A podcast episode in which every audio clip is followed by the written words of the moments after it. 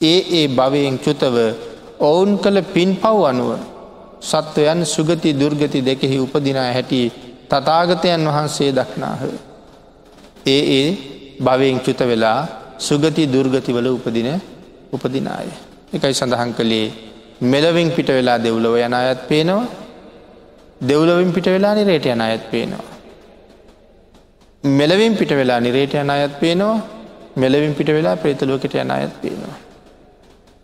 ඕනෑම පුද්ගලයෙක් දිහා බලලා මේ පුද්ගලයා මේ භවයෙන් පසු අහවල් තැනයි උපදින්නේ. කියන කාරණාව දේශනා කිරීමේ පුදුමාකාර හැකියාවක්. ඒ කාරණාව දැකලා නිරයට යන්ඩ ඉන්න අය නිරයෙන් නිදහස් කරන්න භාග්‍යතුන් වහන්සේට බොහෝ අවස්ථාවල් තිබුණා. බොහෝ දෙනා නිරයෙන් බොහෝ දෙනා නිරයෙන් නිදහස් කරගත්තා. එක සම්මා සම්බුදුන්ට විතරක් කරන්න පුළුවන් පුදුම හැකියාවක්.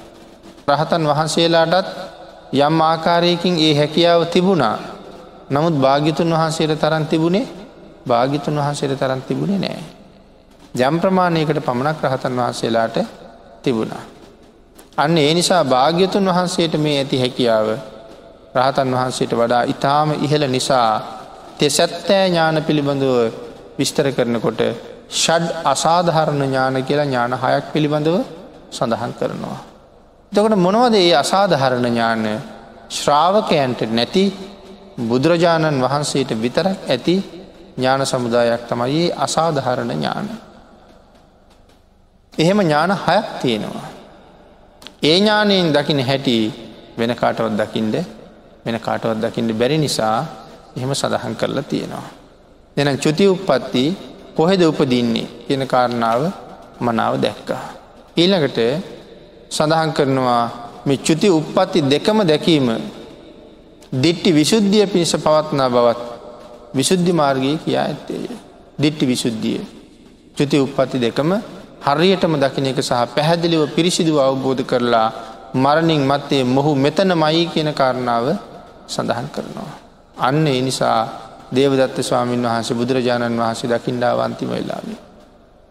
අන්තිම වෙලා විතීරණය කලා මරණාසන්න වෙලා මං බුදුන් දැකල සමාව ඉල්ලන්ඩුවන කියලා. භික්‍ෂූන් වහන්සට සඳහන් කලා ස්වාමීනී දේවදත්තයන් වහන්සේ ඔබහන්සේ දැක ගණ්ඩේනවා.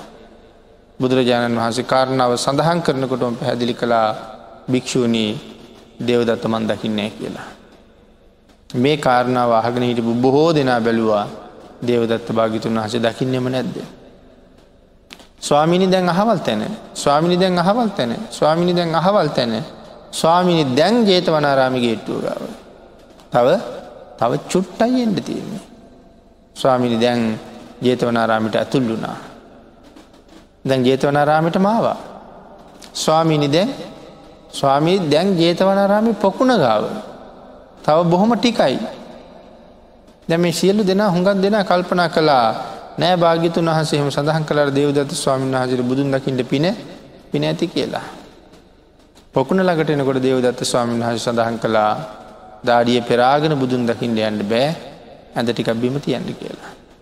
ඇඟ බිම තිබ්බ විතරයි දේවදත්ත ස්වාමීන් වහන්සේ හරියට වටතිරයක් ඇදල වට කලා වගේ උන්වහන්සේ පතුල් බිම තියෙනවත් එක්කම නිරයෙන් අප ගිනි දැල් සම්පූර්ණයම උන්වහස වහගත්තා.